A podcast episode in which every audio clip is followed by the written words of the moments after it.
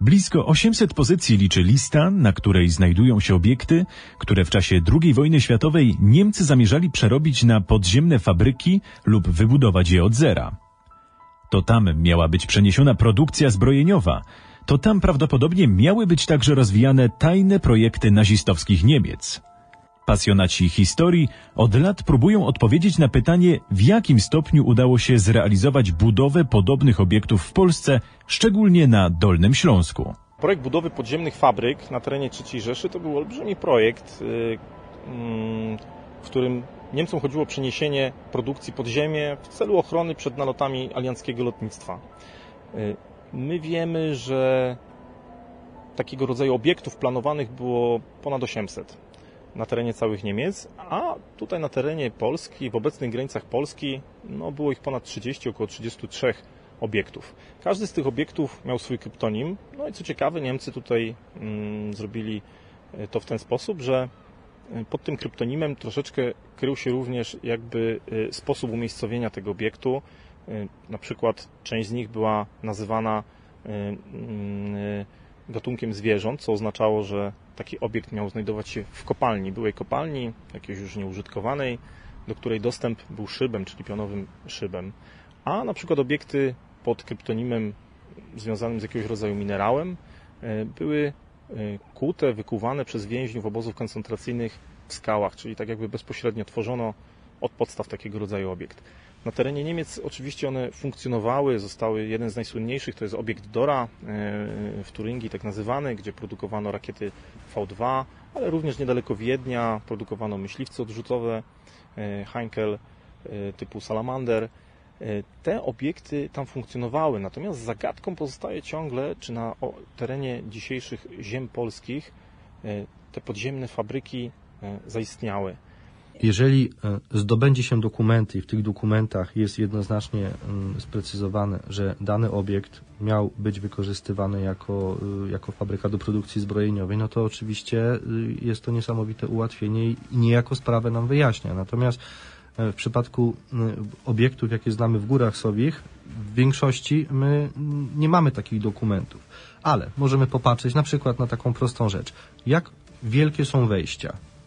Jak y, y, rozłożone są y, wewnątrz sale, pomieszczenia i jakie one są duże, e, no bo to jest istotne. A przede wszystkim, czy do danego obiektu dostarczone było duże źródło energii. Bo jeżeli tam miała być fabryka, to pobór, e, pobór energii musiał być znacznie większy, jeżeli niż w przypadku, gdyby tam na przykład miał być schron dla, dla ludzi. No i też y, y, woda, która zazwyczaj przy, przy produkcji jest, jest wykorzystywana, też musiała być tam mm, dostarczona znacz, w znacznych ilościach. Program rozbudowy fabryk podziemnych, czy dyslokacji przemysłu e, wojennego e, e, III Rzeszy e, pod ziemię, E, no, był procesem, który się rozpoczął dopiero w 1943 roku tak naprawdę. E, w związku z tym, jeżeli on się rozpoczął e, dwa lata przed zakończeniem wojny, no to niewiele zdążono wybudować. A te, które są, one są właściwie w takim cząstkowym stanie. Czyli nawet jeżeli budowa rozpoczęła się w 1943 pod koniec albo na początku 1944, to tempo rozbudowy tych struktur podziemnych nie było zbyt duże. W efekcie w roku 1945 trudno powiedzieć jednoznacznie, czy jakikolwiek obiekt tego typu został ukończony tak naprawdę. Te, które znamy. E, ja tu zawsze daję przykład e, Bolkowa, obiekt o kryptonimie Lame. E, przez długi czas niezwykle obiekt mityczny, nie do końca udawało się potwierdzać jego istnienie. W końcu po 10 latach naprawdę ciężkich prac jednego z eksploratorów udało się wejść, spenetrować obiekt, zinwentaryzować i stan jego wykończenia daleko odbiegał od wcześniej znanych planów oryginalnych niemieckich. E, tam co prawda był problem, czy to była dokumentacja projektowa, czy już ta właściwa. Natomiast znacznie różnił się od tego, co widnieje na planach. Stan przypomina choćby najbardziej znane E, wykończenie e, obiektu Włodarz, który nie jest, jest, oczywiście obiektem rozległym, natomiast jego stopień wykończenia jest minimalny. Tak też wygląda fabryka e, w Bolkowie pod górą Ryszarda.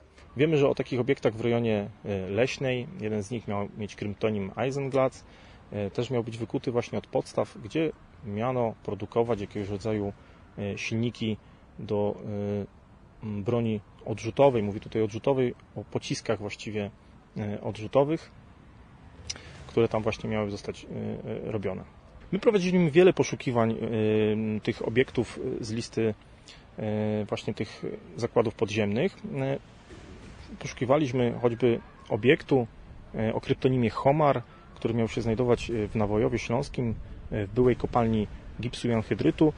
Była to skomplikowana akcja, mm, ponieważ dostęp do tego obiektu był tylko przez szyb pionowy, zalany wodą. Cała kopalnia była zalana wodą. Musieliśmy prowadzić tam dzięki wsparciu grupy nurków jaskiniowych tutaj z Wrocławia nurkowania, bardzo trudne, trudne technicznie.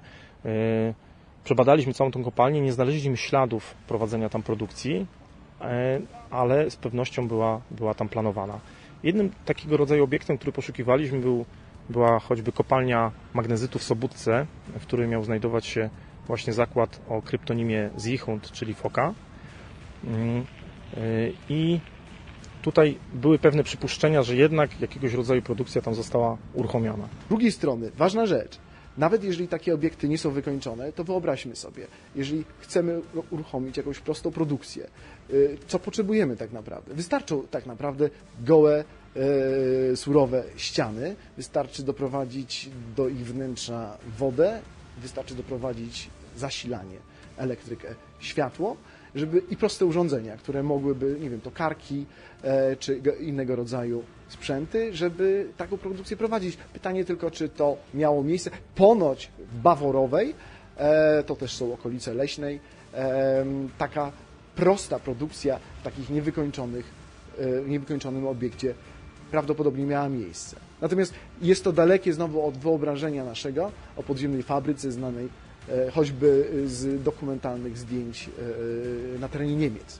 gdzie tam są funkcjonujące fabryki o znacznie wyższym stopniu wykończenia. Takich na Dolnym Śląsku nie udało nam się znaleźć, co nie oznacza, że ich nie ma.